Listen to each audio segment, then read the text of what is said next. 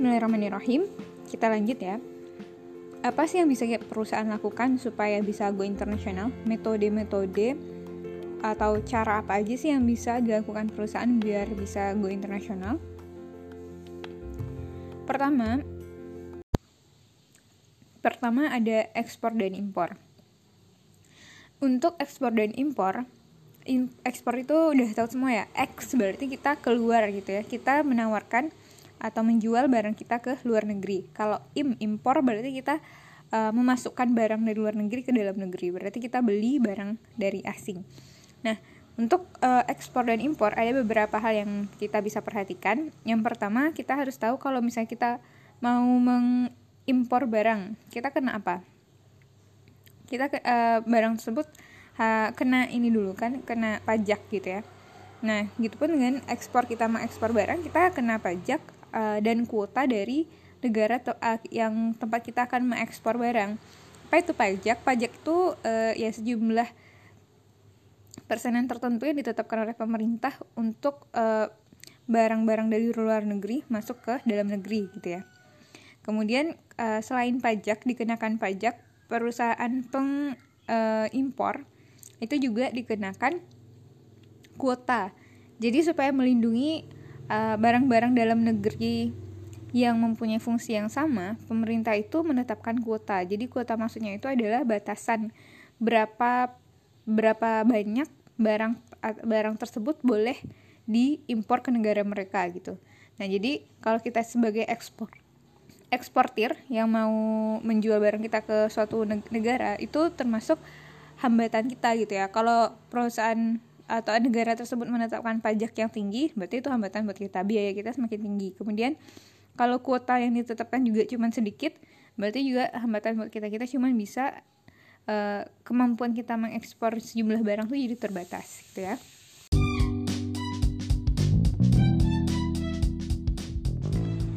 Cara lain yang bisa kita lakukan untuk bisa go internasional adalah dengan FDI. Apa itu FDI? Foreign Direct Investment. Investasi luar negeri secara langsung. Nah, misalkan nih, adik-adik adalah perusahaan pengekspor gitu ya. Tapi tiba-tiba perusahaan tempat eh, negara tempat adik-adik mau ekspor itu eh, menetapkan kuota yang sangat sedikit untuk bisa mengekspor gitu ya atau uh, pajak yang terlalu tinggi gitu untuk uh, ketetapan ekspor barang gitu. Nah, padahal nih adik-adik tahu ini negara itu pasar yang sangat potensial. Ketika jualan barang di situ, pasar yang mau menerima itu sangat banyak gitu. Nah, terus um, dan sebenarnya tenaga kerja di situ juga mudah, murah gitu ya. Kemudian bahan baku pembuatan produk kita juga murah di sana gitu. Nah, apa sih yang ke yang bisa adik-adik lakukan untuk bisa memperoleh manfaat-manfaat ini gitu? Kelebihan-kelebihan yang disediakan oleh negara ini gitu padahal tapi pemerintahnya punya aturan yang dua tadi gitu membatasi jumlah kuota sama uh, mengenakan tarif pajak gitu ya Nah, apa sih yang kita bisa lakukan dengan ini? Kita bisa melakukan yang namanya FDI atau Foreign Direct Investment. Apa itu maksudnya? Kita bisa bangun um, perusahaan langsung di negara tersebut gitu. Nah, jadi kita bisa ba kita bangun uh, uh, pabriknya di situ langsung gitu. Jadi kita nggak perlu uh, ngeekspor barang lagi gitu. Kita nggak nggak bakal dapat pajak ekspor dikenakan pajak ekspor lagi. Kita nggak bakal dibatasi sama kuota kuota impor lagi gitu ya. Karena kita udah produksi di negara tersebut gitu. Nah sebenarnya uh, contohnya apa FDI ini? Contohnya ya seperti Freeport Freeport Indonesia. Atau uh, ada beberapa perusahaan lain kayak um, Toyota Motor Company kalau nggak salah yang ada di Indonesia Nah itu juga yang namanya uh, mereka melakukan FDI (Foreign Direct Investment). Jadi mereka bikin uh, perusahaan langsung di negara negara tujuan gitu ya. Nah di sini sebenarnya FDI ini merupakan keputusan besar gitu ya, karena uh, selain manfaat-manfaat yang tadi ada juga uh, minusnya. Kalau manfaatnya tadi berarti kita bisa ekspor barang ter, nggak terbatas gitu ya, karena nggak dibatasi kuotanya gitu. Kita bisa produksi dan kita bisa sebarkan sebanyak-banyaknya. Kemudian, kemudian kita nggak dikenakan pajak uh, pajak ekspor barang gitu ya. Kemudian um, kita bisa menyalurkan atau distribusi uh, produk-produk kita ke daerah-daerah terdekat dengan perusahaan yang kita dirikan di negara tersebut gitu ya. Nah, jadi distribusinya juga lebih lebih singkat gitu.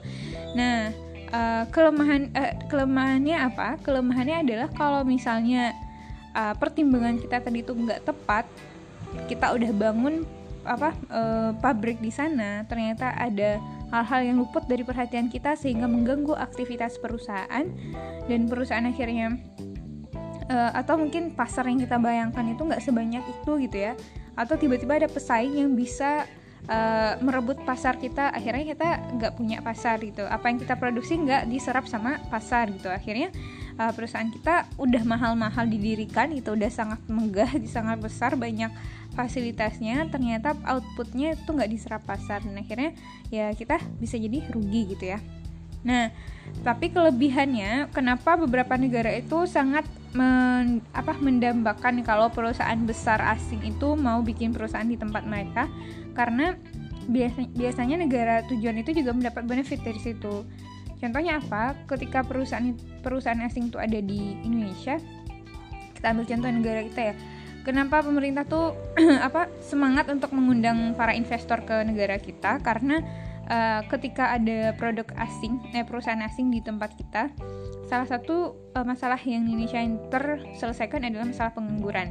Jadi ketika ada perusahaan, pasti mereka menyerap tenaga kerja. Pasti di situ um, membutuhkan orang-orang yang mau bekerja di sana. Dan itu biasanya nggak nggak nggak sedikit ya banyak biasanya kalau perusahaan besar yang punya FDI di Indonesia. Nah jadi ada benefit dan ada um, manfaat dan ada kekurangannya juga, tapi ini salah satu hal yang bisa dilakukan perusahaan.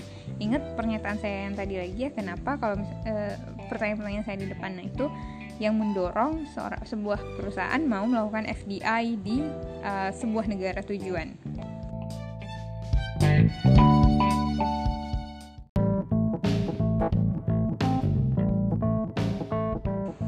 Cara yang lain yang bisa dilakukan perusahaan untuk go internasional adalah dengan franchise dan lisensi. Nah, dua cara ini kayaknya udah familiar ya bagi adik-adik semua. Franchise itu kita bisa tahu contohnya mungkin kalau nggak tahu itu istilahnya franchise, contohnya pasti tahu nih. Kayak McDonald's, KFC, um, apa? Yang lain-lain ada gerai-gerai yang sama di semua negara maksudnya itu adalah samanya itu dari semuanya gitu ya dari suasana dari warna meja warna bangunan warna merek warna kayak tipe parkiran itu sama coba deh adik-adik pergi ke ke KFC misalnya atau ke McD beda nggak lambang atau lambang McD itu di Indonesia sama di Amerika? Ya enggak gitu ya? Enggak terus um, uh, apa kalau misalnya drive thru itu sistemnya sama nggak antara Indonesia sama Malaysia? Ya sama gitu ya. Menu-menunya sama nggak? Sama kecuali ada beberapa apa uh, variasi yang ditawarkan dari um, kekhasan masing-masing negara. Contohnya kalau KFC KFC di Amerika tuh pakai uh, nasi nggak? Nggak gitu ya. KFC di Indonesia pakai nasi? Iya ada ketersediaan nasinya gitu ya. Nah jadi um, produk produknya itu tok sama gitu. Bahkan dia harus sama gitu kalau franchise karena orang taunya kalau misalnya oh KFC gitu ya. Oh kalau KFC rasanya tuh aku beli misalnya di Malaysia tuh gini gitu. Nah kita beli ke Indonesia pasti rasanya juga kayak gitu gitu. Paling juga nanti ada akan ada sedikit uh, diferensiasi tambahan-tambahan yang lain kayak tambahan nasi dan lain-lain gitu ya. Nah franchise itu jadi kalau untuk franchise kita itu udah beli merek langsung gitu. Nah kalau kita kita tahu gitu ya um, kita bikin ayam goreng sendiri terus boleh nggak kita kasih namanya KFC ya nggak boleh gitu ya karena itu udah punya hak ciptanya gitu. Jadi kalau misalnya mau mau beli hak apa uh, hak ciptanya KFC berarti kita emang harus beli sepaketnya itu gitu. Semua fasilitas semua yang uh, ada pada identitas KFC itu kita beli. Mulai dari rasa, layout, suasana, merek, ambience gitu. Nah itu kita beli paketnya gitu. Nah jadi kalau misalnya beli franchise kita beli semuanya itu gitu. Nah karena apa? Karena orang itu kalau misalnya mau mereka itu udah ada di benak mereka yang McD itu seperti apa, yang KFC itu seperti apa gitu.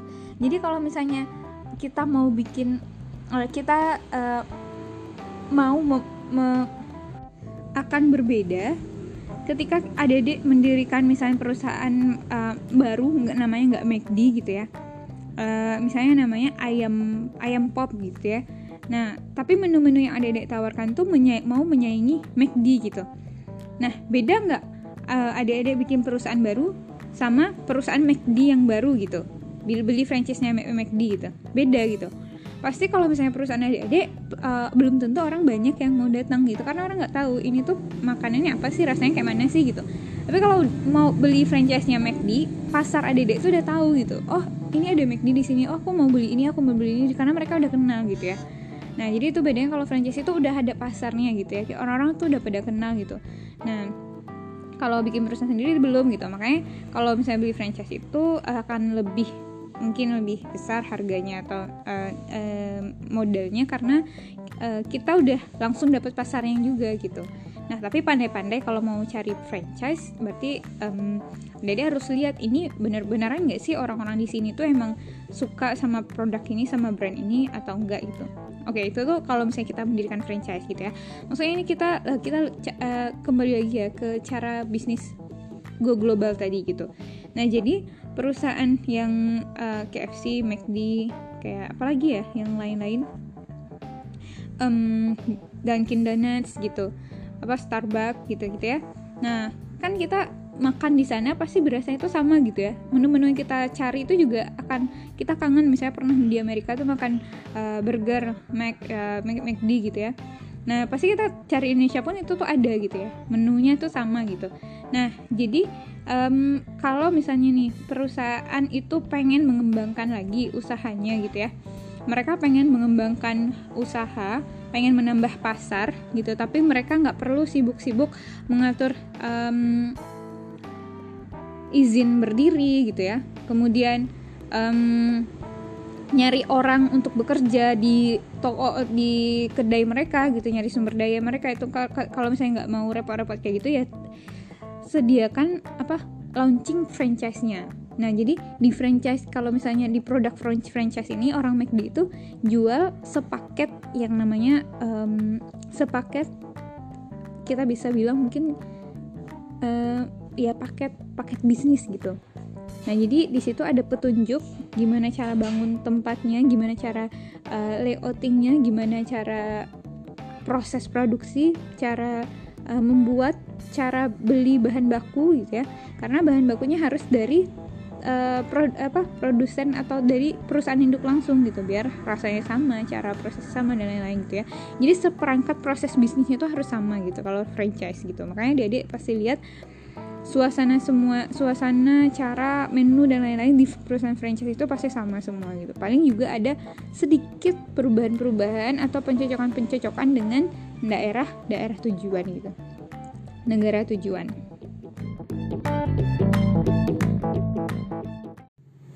Apa beda franchise dengan lisensi? Kalau franchise kan tadi kita harus semuanya tuh persis sama dengan perusahaan induk gitu ya.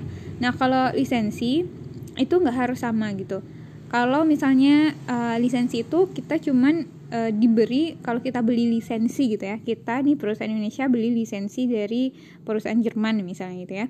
Nah kita itu cuman beli uh, cara memproduksi. Ya maksudnya tuh ya kerja dapurnya aja. Jadi untuk masalah tampilan masalah ambience masalah um, uh, layouting packaging dan lain-lain itu tuh nggak nggak harus sama gitu. Kita cuman dikasih ca tahu cara proses membuat sesuatu itu uh, alat-alatnya caranya gitu ya bahan-bahannya gitu. Sehingga um, kalau kita dapat lisensi itu kita bisa menghasilkan produk yang kuali dengan kualitas yang persis sama dengan uh, pemberi lisensi kita gitu. Jadi kalau misalnya kita lihat produk gitu kan di bawah lisensi perusahaan Otsuka Jepang gitu misalnya kan. Oh, jadi perusahaan konsumen itu jadi, jadi yakin oh ini langsung lisensinya tuh ada dari perusahaan Otsuka gitu misalnya. Jadi kita orang-orang tuh tahu iya bener nih ini tuh uh, sesuai uh, rasanya tuh atau produknya kualitasnya sesuai dengan perusahaan ini induknya gitu. Nah contohnya kalau lisensi ini apa? Ada dia mungkin pernah lihat di belakang kalau nggak salah saya ya di belakang bedak March itu di bawah lisensi perusahaan Jerman kalau nggak salah. Nah itu itu berarti apa? Cara bikinnya bahannya um, proses pengelolaan dan lain-lain itu memang sesuai standar yang di, yang ditetapkan oleh pemberi lisensi. Nah kalau nggak salah juga yang kayak Microsoft, Microsoft itu juga di bawah uh, eh, dia itu juga memberi lisensi kepada beberapa perusahaan-perusahaan di di luar negeri untuk mem bisa membuat produk yang um, produk mereka dengan kualitas yang persis sama dengan cara pembuatan yang sama. Nah tapi untuk hal-hal um, perintilan-perintilan yang lain tuh diserahkan yang terserah sama perusahaan pembuat gitu. Jadi kita cuma beli lisensinya aja. Kenapa beli lisensi? Bisa jadi untuk pertama meyakinkan konsumen. Yang kedua karena kita emang nggak tahu cara bikin itu seperti apa gitu. Jadi daripada melakukan R&D kita uh, banyak melakukan try and error dan lain-lain, bagusan kita beli lisensi aja gitu. Kita beli lisensi, kita bisa bikin dan kita bisa pasarkan di negara kita gitu. Cara lain bagi perusahaan yang mau go global merambah ke pasar luar negeri adalah dengan um, strategic alliances atau aliansi strategis. Contohnya joint venture.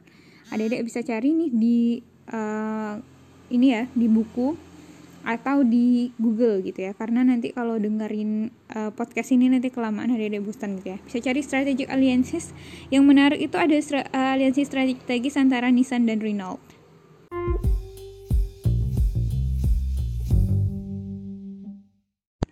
ada nggak sih um, hambatan-hambatan dalam kita melakukan perdagangan internasional atau go global? Ya ada seperti yang tadi saya sebutkan ya kalau di um, ekspor dan impor barang itu biasanya ada tax, ada pajak impor, uh, kemudian ada kuota gitu ya. Nah, gimana cara kita melakukan atau menghilangkan hambatan tersebut? Uh, kita bisa uh, akali dengan melakukan metode lain dalam berbisnis. Contohnya tadi pakai FDI gitu ya.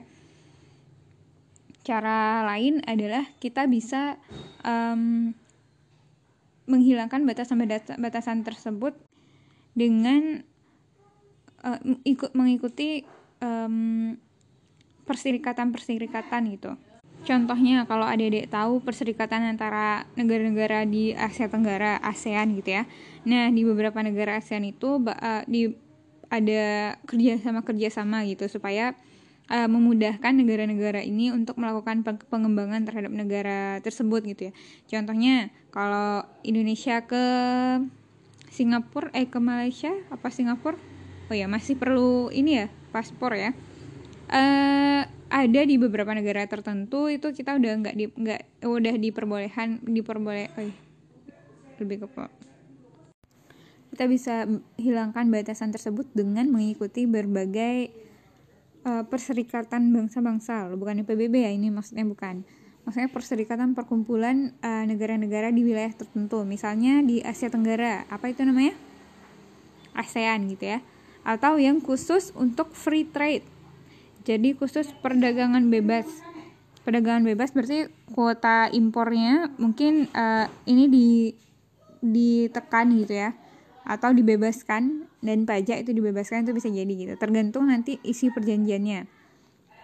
Nah uh, ada juga yang lain itu kayak AFTA, NAFTA terus kayak negara-negara di Eropa itu yang bisa pakai apa kalau nggak salah saya pakai mata uang yang sama gitu ya jadi nggak ada perselisihan nilai tukar gitu di beberapa negara Eropa.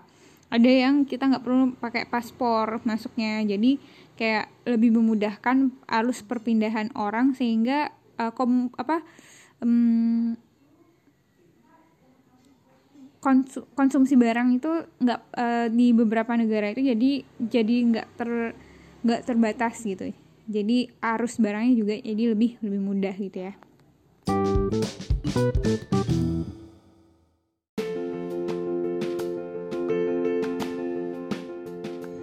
hal lain yang harus diperhatikan ketika mau go global adalah beberapa karakteristik berikut dari sebuah negara. Yang pertama adalah culture atau budaya mereka. Contohnya nih, kalau misalnya di India gitu ya. di India itu kalau sapi itu binatang yang boleh dimakan nggak kalau secara budaya mereka secara umum nggak ya bina, sapi itu dianggap binatang suci yang nggak boleh disembeli gitu. Eh maksudnya dimakan gitu ya. Jadi uh, eh, KFC eh bukan McD di India itu punya sedikit diferensiasi pembedaan. McD di India tuh dia nggak punya nggak pakai beef nggak pakai uh, daging sapi tapi diganti sama daging yang lain. Karena mereka tahu berabe gitu ya. Kalau misalnya dijadi apa bahan utama beefnya McD semua. McD itu adalah sapi gitu ya. Nah jadi kalau di India tuh ya pasti orang juga nggak mau beli gitu karena mereka takut gitu ya melanggar budaya mereka gitu. Nah terus kayak nasi di Indonesia gitu. Orang Indonesia tuh belum makan namanya kalau belum pakai nasi gitu ya. Ya bisa jadi mereka bawa nasi nanti di rumah kalau mau makan KFC gitu ya. Nah, terus uh, beberapa culture yang lain uh, ada deh bisa cari uh, bisa menilai ya kayak Indonesia tuh negaranya lebih yang namanya tuh lebih Indonesia tuh negaranya lebih namanya high context. Jadi high context itu maksudnya adalah negara yang ada tata keramanya sama orang lain gitu ada tingkatan-tingkatannya gitu. Kayak kita sama orang tua tuh kan ada tingkatannya ada jaraknya gitu ada jarak penghormatan gitu ya. Kayak kita sama manajer kita kayak ada penghormatan kayak ada jarak gitu ya. Namanya tuh high context ada tata kerama sopan santun tertentu gitu ya. Nah kalau di Amerika tuh negaranya lebih lebih low context gitu ya. Lebih jaraknya tuh uh, lebih rendah gitu lebih uh, lebih nggak ada jarak gitu lebih lebih santai gitu ya. Kayak uh, kalau di mereka mungkin sama orang tua mereka kayak sama teman sendiri gitu ya. Sama guru juga lebih lebih bebas gitu ya lebih santai gitu. Kalau kita kan lebih penghormatan gitu ya. Nah gitu juga kalau misalnya kita mendirikan pabrik nanti di Cina Jepang beda nggak sama pabrik yang di Amerika? Kerja sama orang-orangnya kerja sama manajer-manajernya di sana kita punya bawahan manajer di Amerika orang Amerika sama manajer orang Jepang beda nggak? Ya beda gitu karena ada unsur budayanya tadi gitu. Nah ada beberapa unsur-unsur perbedaan budaya yang harus kita perhatikan biar kita efektif menjalankan manajemen perusahaan di sana nanti gitu. Nah itu yang harus diperhatikan. Yang pertama adalah budaya.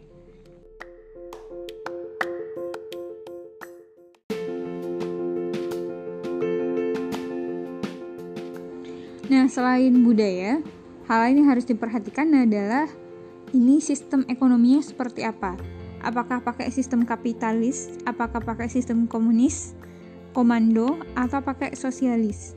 Nah, karena ini akan mempengaruhi gimana cara orang-orang di sana melakukan bisnis.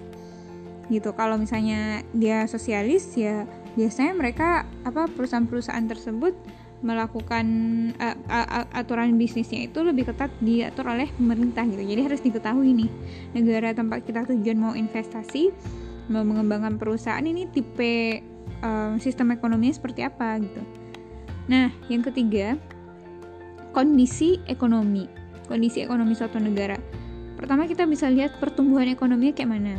Pertumbuhan ekonomi udah saya jelaskan ya di apa di podcast sebelumnya kalau pertumbuhan ekonomi itu akan berpengaruh sama um, semangat semangat usaha-usaha dalam negara tersebut dalam beraktivitas memproduksi barang. Kalau pertumbuhan ekonominya bagus, nah berarti ini kita uh, juga uh, punya akan akan memiliki posisi atau uh, masa depan yang bagus juga nih di negara tersebut gitu karena dia lagi aktif-aktifnya ber berproduksi. Negaranya itu uh, aktif dalam kegiatan ekonomi gitu. Tapi kalau lagi melemah lah kita uh, udah nggak apa udah mendirikan sebuah perusahaan eh ternyata ekonomi lagi lemah. Permintaan di situ lagi sedikit gitu. Kita memproduksi barang nanti nggak ada yang beli gitu ya. Itu harus diperhatikan juga kondisi ekonominya gimana. Lagi inflasi tinggi atau inflasi yang terkendali gitu Nah, seperti itu ya.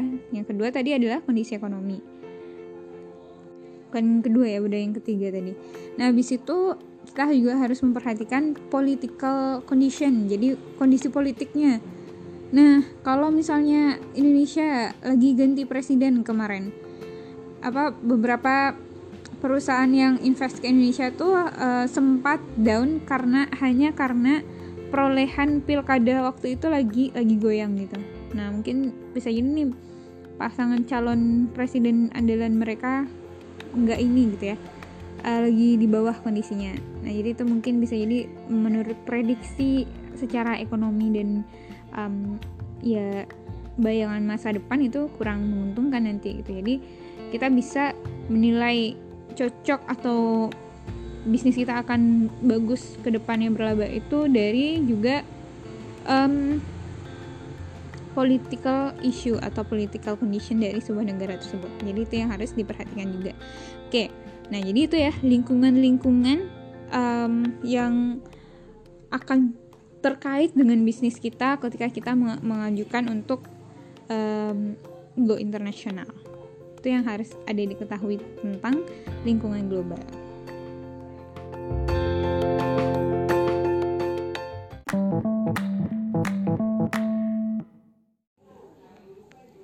Demikian materi kita tentang lingkungan global ya. Silahkan adik-adik baca lagi bukunya supaya lebih paham um, dan menyeluruh kepahamannya tentang materi ini. Uh, cari dari referensi yang lain dari internet juga boleh. Terima kasih, semoga bermanfaat. Assalamualaikum warahmatullahi wabarakatuh.